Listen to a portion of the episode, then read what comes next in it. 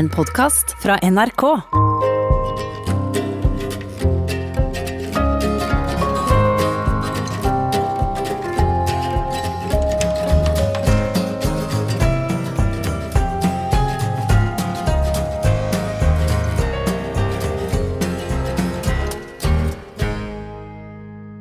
Jeg sitter og ser utover Mjøsa. Etter ei helg med meditasjonskurs. Menneskers lengsel, håp, traumer. Alt kommer opp.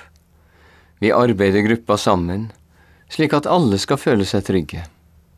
Slik kan en våge å slippe seg inn i de djupere delene av seg sjøl, og lytte til det usagte.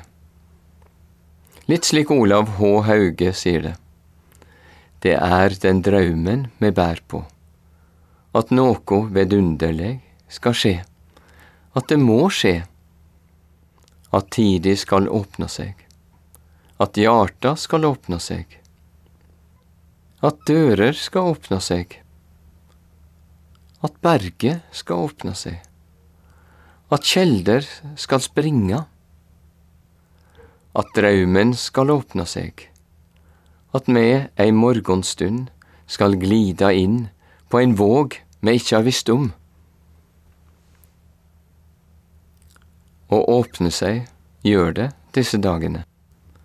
Det er sterkt og givende å arbeide med mennesker på denne måten, der folk oppdager sine egne ressurser, der en kan endre alt fra helseplager og sykdomssymptomer til grunnleggende mønstre i psyken. Samtidig får jeg stadig bruk for min lange erfaring som lege. Jeg har snakka med mennesker etter kurset, som sliter med ulike plager, og prøvd å hjelpe dem til å finne fram til gode strategier og metoder i hverdagen. De har sine diagnoser, plager og problemer. Men de riktige verktøyene, dem vi har i oss og i naturen, pust, bevegelse, innsikt, trening, urter Det kan gi dem et annet perspektiv, der de kan løfte problemet til et nytt nivå.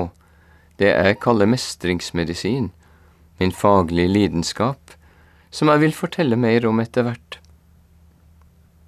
Idet den siste kursdeltakeren forlater gårdstunet, sitter jeg et øyeblikk og undrer meg over dette som sitrer i meg, og som aldri tar slutt. For kort tid siden runda jeg pensjonsbøyen. Jeg treffer mine kullkamerater fra medisinstudiet, mine jevnaldrende venner. De fleste forteller. Enten har de gått av med AFP, de pensjonerer seg nå, eller de begynner å legge inn årene. Jeg legger ut på en ny vandring, som menneske, som fagperson. De 60-70 timers arbeidsukene fortsetter ikke som tvang, men som drivkraft. Litt kverna som maler på havbunnen. Jeg heter Audun Mysja. Jeg er lege, forfatter og musiker. Jeg har hatt opplevelser i livet mitt som har forandra alt. Redda meg videre på veien, staka ut kursen for min livsgjerning. Jeg har alltid undra meg over hvordan det her kunne skje, og hvem jeg blei etterpå. Det her skal jeg snakke om her i denne timen i programmet Sommer i P2. Hvordan blir vi de vi blir? Hva er det som former oss? Jeg kommer fra røtter som jeg føler meg mer og mer knytta til. Fiskere, småbønder, på øyene på Vestlandet og i Vesterålen. Jeg kjenner denne raden av stumme slitere som står bak meg, særlig min oldefar Karl Mysja. Det eneste som står igjen av Mysja-gården, gården han klarte å kjøpe takka være flid og nøysomhet, etter at forfedrene hans hadde vært leilendinger i generasjoner. Det er messingplate. Han gravde inn på en stein midt på gårdstunet der det blant annet står. Latt fals og lygn være langt fra meg. Gjev meg ikkje armod og ikkje rikdom, lat meg eta mitt tilletla brød. Disse ordene viser en kjærlighet til naturen og ærbødighet for noe større enn vårt lille ego. En forståelse for livets balanse. Og så er det farmor Jeanette, som stadig har blitt tydeligere for meg. Hun var særs begava, og læreren ba om at hun kunne få gå videre på skole. Han skulle skaffe stipend, eller hjelpe til på andre måter. Men de var fattige fiskere i Vesterålen og trengte henne hjemme. Min farmor bøyde hodet slik hun alltid gjorde, flittig og nøysom, og ble syerske. Men hun satt hver kveld etter sine lange arbeidsdager med sju barn og et lite småbruk, og leste alt hun kunne få fatt i. Den vakre salmen Fagert er landet føler jeg springer ut av røttene mine og viser nå av arven min.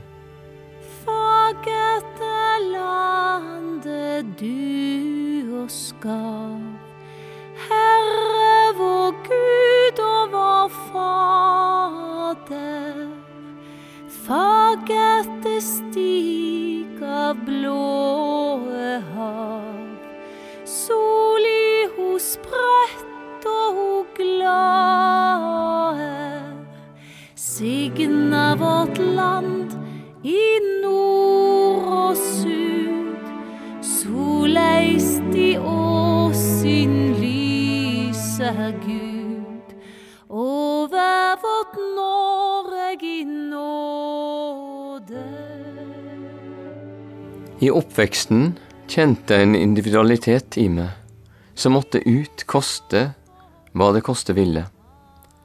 Det var som om jeg ikke fikk puste. Jeg opplevde at det som var vesentlig, av betydning, at det ikke ble snakka om, at det ble stengt inne av normer og regler. Mine reaksjoner ble stempla som vrangvilje og egoisme. Men i ettertid så ser jeg at det var noe djupere. En forløsning av mine muligheter i verden. Jeg var vel det man i dag kaller høysensitiv, uten at noen hadde funnet ord på det. Fra jeg var ganske liten, så følte jeg andre menneskers emosjoner på kroppen, lenge før det ble uttalt.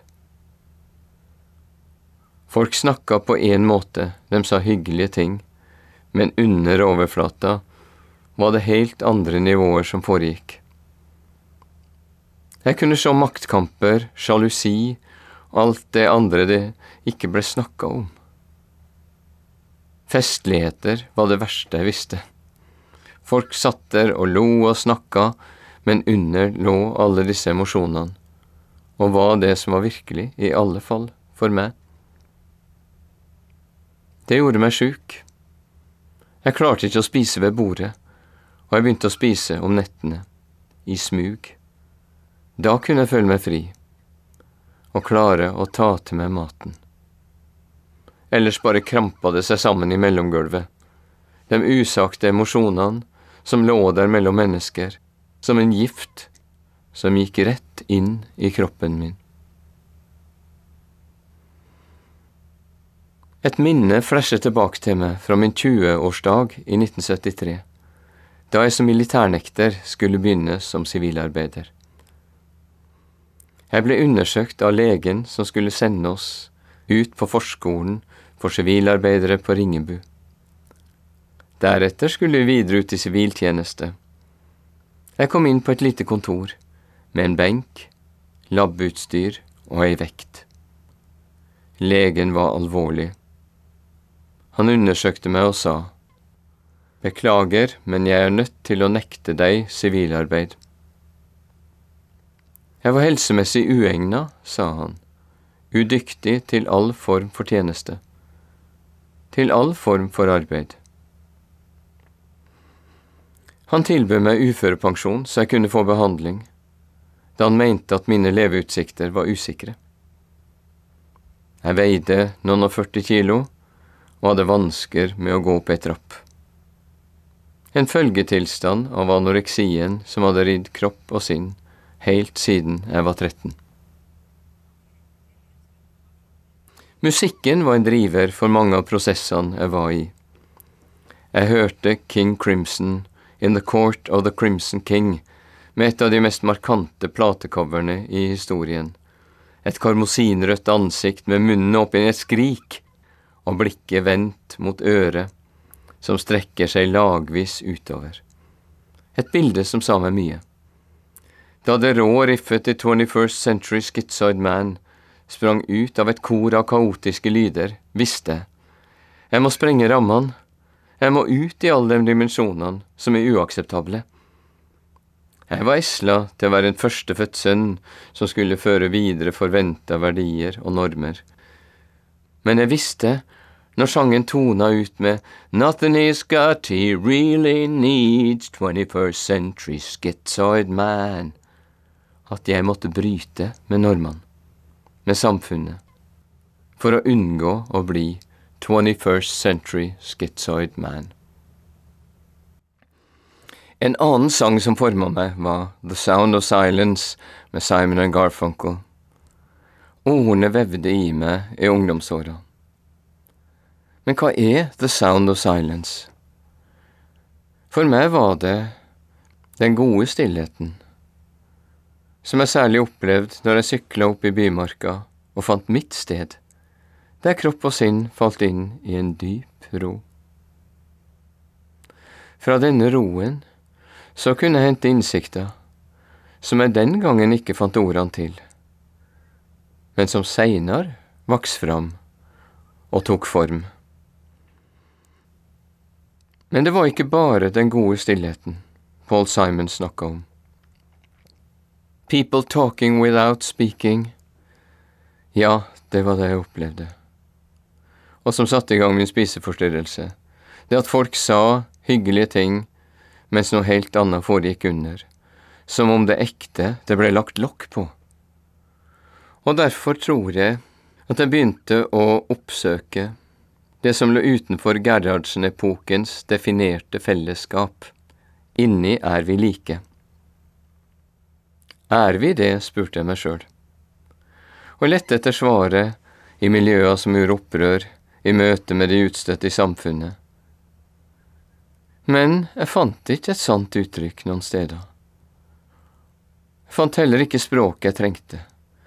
Det var menigheter, SUF, ML, you name it men i menighetene så jeg mennesker bruke Guds navn for å ladde ut sine egne emosjoner. På et SUF-møte så jeg den frelste møte en som tenkte annerledes, med skjellsord, trusler og hånlatter, i stedet for å lytte og lære av andres synsvinkel. Hear my words that I might teach you, take my arms that I might reach you.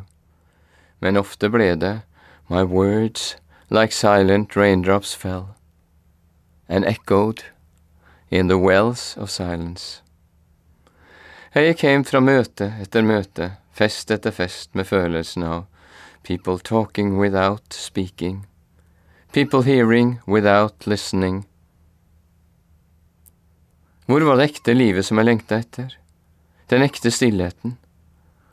Jeg hørte Sound of Silence igjen seinere i livet spilt av gruppen Disturbed, og da var det som om noe ble forløst i meg. Jeg forsto forholdet mellom stillhet og støy på en ny måte, som igjen førte til mitt siste bokprosjekt, kunsten å finne ro. Hello, darkness, my old friend. I've come to talk with you Because a vision softly creeping. Left its scenes while I was sleeping,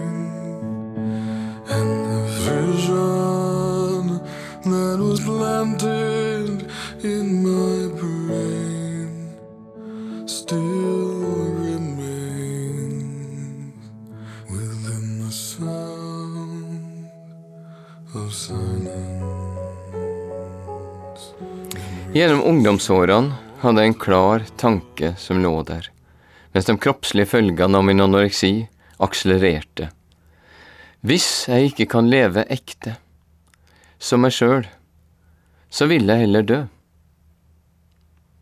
Jeg dro fra en nedadgående spiral til en biodynamisk gård i Irland, der vi tok vare på utviklingshemmede på en måte som farga min tilnærming til sårbare grupper i helsevesenets sida. Vi levde sammen, vi spiste sammen, vi arbeida sammen, og så på de utviklingshemma som likeverdige. Behandlingen var riktig mat, stimulering, aktivitet og egenverd. Men det hjalp ikke på mine plager. Jeg klarte ikke å spise, jeg stjal mat om nettene, og jeg ble sosialt utstøtt. Jeg ble sengeliggende og ble svakere uke for uke. Ingen så til meg bortsett fra den ene gangen om dagen, da en beboer kom med mat, og den andre gangen, da de henta matfatet og kasta den urørte maten. Jeg gikk inn i en forvirra sinnstilstand. Med ett fra det fjerne, som fra alle dimensjoner av universet, kom en tanke. Nå skal jeg dø. Smertene i magen opphørte i samme øyeblikk.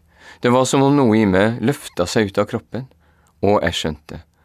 Kroppen min skal dø, men jeg skal ikke dø. Jeg kan ikke dø. Jeg så livet mitt i revy.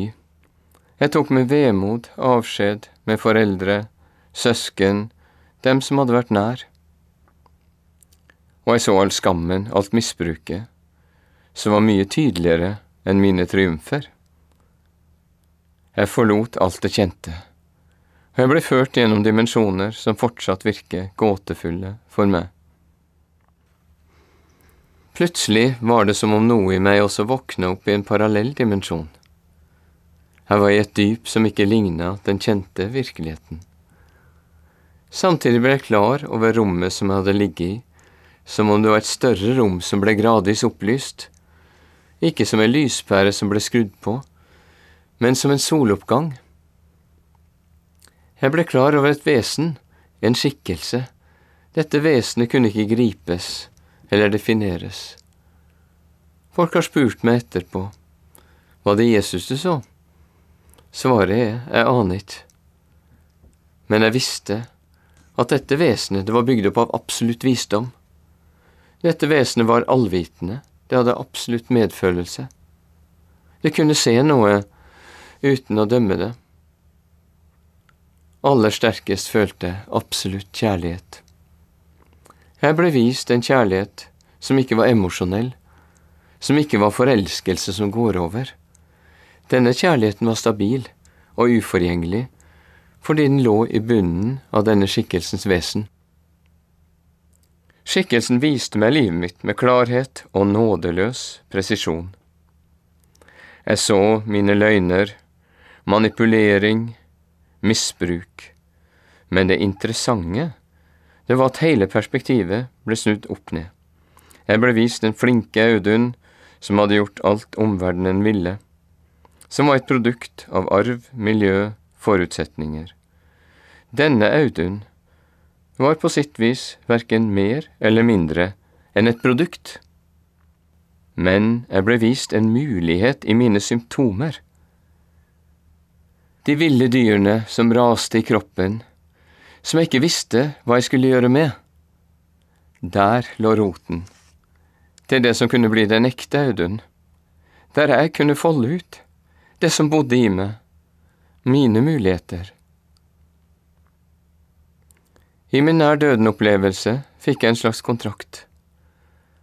Jeg kunne få vende tilbake til livet, men da var kontrakten at jeg måtte bli lege, og arbeide for å utvide medisinens perspektiver. I dette øyeblikket fikk jeg en opplevelse av at alt var bestemt. Noe var endra. Gradvis fant jeg et språk for det som lå i meg. Min stemme i verden begynte langsomt å vokse fram. Uttrykket for den jeg er som jeg hadde mangla i tenårene. Jeg merka en ny evne til å nå og forstå andre mennesker. Den store gaven, det var å erobre et instinktivt forhold til mat, og hva kroppen trenger. Ikke å spise sunt eller riktig, men rett og slett bare spise. Helt enkelt. Det mange tar som en selvfølge, men som for meg er et mirakel. En sunn appetitt og et naturlig forhold til mat. Jeg har med andre ord fått gavene som ikke var der da anoreksien herja i kroppen og gjorde den til en fiende, ødela helse, tenner, relasjoner, som sendte meg til leger og psykiatere, som ikke forsto, som ville gi meg piller som jeg ikke ville ta. Seinere så har jeg skrevet bøker og holdt foredrag om mat, men uten å være tilhenger av spesielle dietter. Jeg ønsker å hjelpe mennesker til å stole på instinktene sine. Jeg har aldri helt kunnet kjøpe medisinsk grunntanke om symptomene og plagene som det onde som skal bekjempes, painkillers, antibiotika til kamp mot liv. Ja, jeg har sjøl skrevet ut smertestillende og sett at det har hjulpet mange, brukt riktig. Samtidig er min karriere som lege år for år vokst inn i det jeg kaller mestringsmedisin knivskarpe verktøy i kropp og sinn for å oppfylle mantraet Mangt skal vi møte, mangt skal vi mestre, dagen i dag kan bli vår beste dag. Røttene til denne bestrebelsen, det ligger her øyeblikket, i min nær døden-opplevelse, der plagene og forstyrrelsene var i seg en mulighet til nytt liv. Lotusen som stig opp av mudderet, om du vil. Jeg hadde vært pinlig innadvendt, uten mulighet til å nå andre mennesker, i min oppvekst og ungdom. Og sjøl om jeg prøvde å spille med, så var ikke relasjonene varige, holdbare eller dype. Etter denne opplevelsen begynte jeg, som hadde blitt sett på som en sær individualist, som verken kunne nå eller bli nådd, å få respons. Og etter at jeg ble lege, så har jeg fått høre fra pasienter at det er stor evne til å se andre mennesker og vise dyp empati. Det har undret meg. Men jeg tror i ettertid at alt dette, det vokste fram i kjerneopplevelsen, som sammenfatter mye av det livet mitt har vært og blitt. Det har ikke gjort at jeg har vært et hellig og vellykka menneske. Min personlighet har hatt sine svakheter. Jeg har vært oppfarende, ettergivende, og livet har gått opp og ned, hos meg som hos andre. Jeg er ikke heva over noe som helst, eller noen som helst. Men noe ble fundamentalt endra. Først gjennom å komme ut av skallet mitt, og kunne møte og forstå andre, som medmenneske og som lege. Deretter har mitt eget uttrykk tatt form, først gjennom egne sanger og musikalsk uttrykk, deretter gjennom en voksende virksomhet som foredragsholder, kursholder og forfatter. Det er som om det stumme språket som gjorde meg sjuk i tenårene, har kunnet folde seg ut gjennom levd liv og finne sin form. Et eksempel er fra da jeg slet i ungdommen. Jeg hadde en melodi inni meg som en nøkkel til noe jeg ikke forsto. Seinere samarbeidet jeg med musikeren Anders Rogg. Vi skapte både tilnærminger til musikk for eldre med demens og meditasjonsmusikk. Under en innspilling av CD-en Videre kom denne melodien fra ungdomsåra tilbake. Den ble framført av Trygve Seim på saksofon en stor musiker som var i stand til å forme akkurat de nyansene jeg hadde hørt inni meg.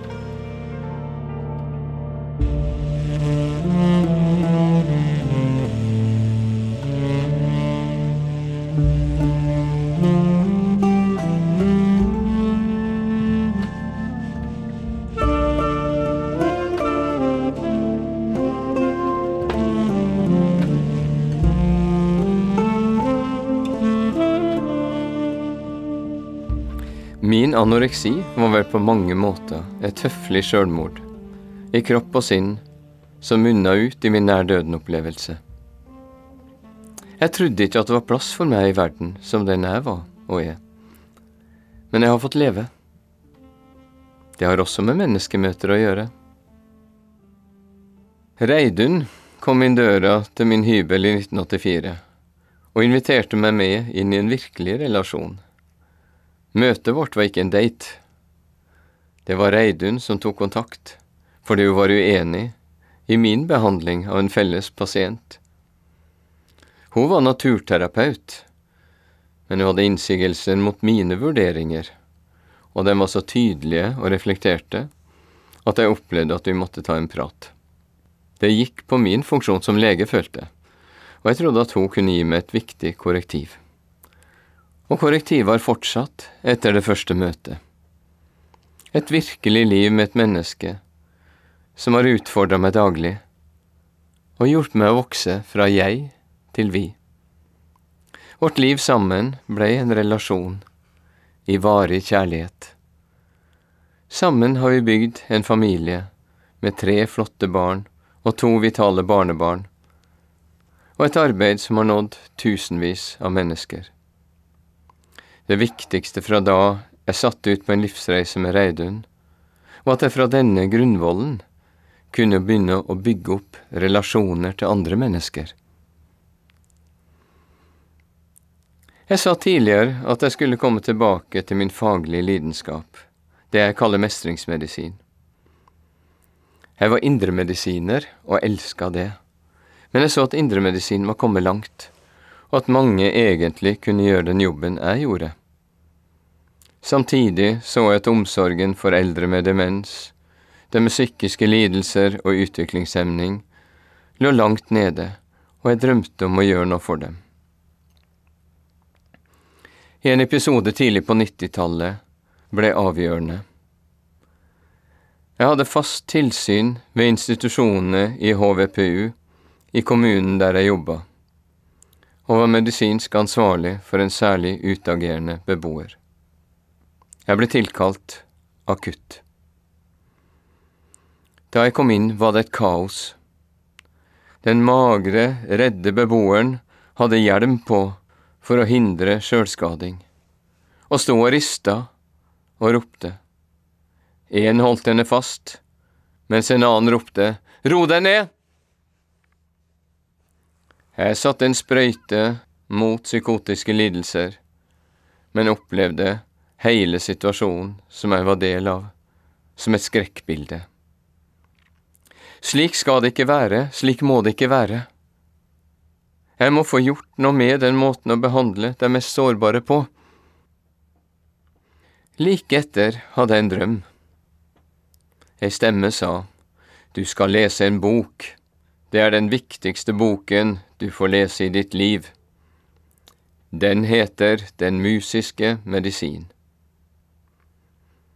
Dette var før internettets tid, og jeg lette overalt, men ingen hadde hørt om ei slik bok. Jeg var forvirra, helt til jeg fikk en ny drøm. Den samme stemmen sa, det er du som skal skrive Den musiske medisin. Jeg begynte å samle materiale, men jeg ante ikke hva jeg skulle gjøre med det. Forfattere, det var en helt annen liga, et annet sted i verdensrommet enn meg. Jeg var en travel allmennpraktiker med en voksende familie, og jeg visste ikke hvordan jeg kunne skrive. Men livets sammenfallende omstendigheter var med meg. Jeg presenterte ei bok som var oversatt til norsk, som jeg hadde vært konsulent på, og en forlagskonsulent kom til meg og sa Dette var riktig bra, vi trenger norsk litteratur innenfor dette området, ikke bare oversatt og amerikansk. Har du lyst til å skrive?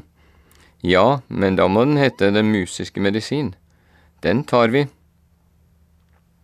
Det ble bok om musikkens helbredende kraft hvilke terapeutiske muligheter som ligger i lyd og musikk. Slik starta prosessen som førte til at jeg debuterte som forfatter i 1999, og siden har ikke jeg klart å stoppe. Å skrive har blitt en lidenskap. Det har blitt et tyvetalls bøker, og hele tida har en ambisjon om å finne ordene som forløser, som kan nå mennesker, påvirke, hjelpe, forandre. Den musiske medisin utløste en utstrakt foredragsvirksomhet som har fortsatt. Jeg har vært land og strand rundt, og har lært mye om hva som opptar folk. Møtt mennesker som setter spor.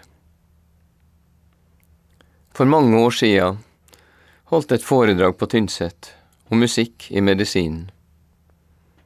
I pausen sang to unge jenter, tvillinger. Jeg sa jeg syntes de var dyktige, og de kunne gjøre noe med musikken om de ville. Jeg tenkte ikke noe mer over det. 15 år seinere så holder jeg et seminar for Senioruniversitetet på Karmøy om en av mine bøker, Ungdomskilden. Der tropper plutselig de samme to jentene opp, sammen med gitarist som er ektemannen til en av dem. De gjør en fantastisk Cohen-konsert innimellom mine undervisningstimer. De kommer til meg og forteller at møtet med meg, mitt foredrag om musikkens muligheter, endra livet deres. De hadde til da ikke tenkt å satse på musikk, vokste opp som de var på en gård langt inn i en sidedal til Tynset. Men møtet med meg og min oppmuntring gjorde at de valgte å satse på musikk. Blei musikkterapeuter og fikk en spennende karriere. Da de takka meg, følte at jeg får lov til å leve verdens mest meningsfulle liv, sett ut fra min lille tue. Ofte kan våre hjelpeløse gester gjøre en forskjell for andre, større enn vi aner. En ung mann med kreft, Torbjørn, kom inn på avdelingen der jeg jobba. Han skulle få behandling, men det var som et lys ble blåst ut. Han døde momentant. Torbjørn var nygift og skulle bygge et liv med sin kjære. Vi sto der hjelpeløse, foreldrene, enka og jeg. Det fins ikke ord i ei slik stund. Vi tente et lys, og en sang kom til meg, som kom ut av strupen min før sjølsensuren slo inn.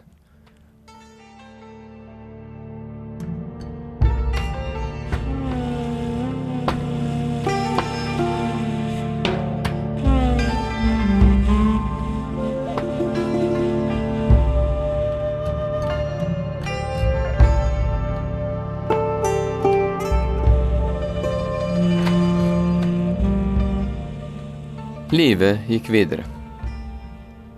Syv år seinere kom en sykepleier til meg i en pause på et seminar jeg holdt, og sa Husker du Torbjørns enke? Sjølsagt. Jeg skulle bare hilse og si at hjertet hennes ble revet ut da hun mistet Torbjørn. Men sangen du spilte, nådde inn til sorgens kjerne, og sådde et frø. Fra frøet har et nytt hjerte vokst fram. Hun ville bare takke. Slike hendelser gir meg drivkraft til å fortsette. Noe større vever gjennom hverdagene i et liv, og blir til livets vev. Plagene i ungdommen har blitt til gjødsel for det som driver meg nå og ensomheten til en voksende vev av fellesskap og relasjoner. Det handler om å lytte, forstå og utfordre egne holdninger og meninger, i stedet for bare å søke det eller de som bekrefter våre egne trossystemer. Alt er fått til, har blitt til gjennom menneskemøter. En annen gave som kom i kjølvannet av den musiske medisin, var tilbudet om å starte et prosjekt for å utvikle musikk som verktøy for personer med demens. Det ble til et dusin prosjekter. Metoden musikkbasert miljøbehandling som nå praktiseres på sykehjem over hele landet, og min egen doktorgrad. Vi har hatt vellykkede pilotprosjekter i skoler og skal inn i arbeidet for utviklingshemmede. Slik er drømmen min om å kunne gi bedre hjelp til de utviklingshemmede i ferd med å bli virkelighet. For meg er alt det her mestringsmedisin. Gå inn til de gruppene som får minst hjelp. Gi dem støtte med terapeutiske verktøy, basert på de enkle elementene vi har i oss. Sang, toner, bevegelse. Men vi må gjøre det knivskarpt og individuelt tilpassa. Jeg har på samme måten fått samarbeide med Norges Parkinsonforbund i mange år. Det har vært utrolig å kunne bruke nevrologisk kunnskap til å tilpasse rytme, musikk og bevegelse presist for å gi parkinsonrammede en helt annen livskvalitet. Å sette inn enkle stressmestringstiltak og se hvordan skjelvende parkinsonrammede klarer å roe seg, eller klarer å finne den riktige sangen med den riktige rytmen, og hjelpe en som ikke klarer å komme seg opp av stolen, til å sprette opp og være danseløve på gulvet. Slike hverdagsmirakler, det ble jeg aldri lei av. Like viktig som å endre tanker og holdninger er evnen til å finne stillhet. Og meditasjon har vært min kjæreste venn, hjelper og redning gjennom årene. Jeg har jobba med kreftpasienter med alvorlige smerter, og sett hvordan en dyp trening i meditasjon har kunnet stilne sinnet i en slik grad at tanken 'jeg har vondt' ikke får fotfeste. Vi har vært et naturfolk og i løpet av få tiår har vi endra oss til urbane, avanserte, høyteknologiske verdensborgere. Det åpner mange muligheter, men det er også en fare. Jeg tror at naturen slår tilbake når vi fjerner oss eller mishandler den, og at noe av det viktigste i vår tid, det er å gjenskape forbindelsen med den. I Totenvika håper jeg og Reidun og våre medarbeidere og vise mennesker hva meditasjon kan være, og hvordan bevisst bruk av naturelementene kan gjøre menneskene heil. Her jeg sitter, er det lett vind, krusninger på Mjøsa, skydekket er grått, nei, det er det ikke. Det spiller i et utall av farger og former. Det er bare vi som oppdager det. Hvert av trærne i området begynner å kjenne. Jeg tror at alt liv trenger å bli sett, trenger å bli forstått. En av mine sanger, Nye vinger, har en spesiell betydning for meg. Jeg skrev den da vår førstefødte var på vei, og sang den for henne da hun ble født. Den sier noe om at vi alle har muligheten i oss til å skape vårt fingeravtrykk i verden. Jeg vil derfor avslutte med denne sangen som oppsummerer mye av det jeg har villa i livet mitt. Der brenner lys i dine staker. Der vokser skudd i dine blomsterbed. Der var en søvn som fylte dine dager. Om du var motløs eller bare redd for dine vinger var blitt tidlig steket. Da sangen døde i ditt bryst. Der er en glede og glød som kan bli vekket når dine dager blir ledet av din lyst. Dette var podkastversjonen av Sommer i P2 med lege Audun Mysja. Produsent Else Barrat Due. Teknisk ansvarlig Hilde Tosterød.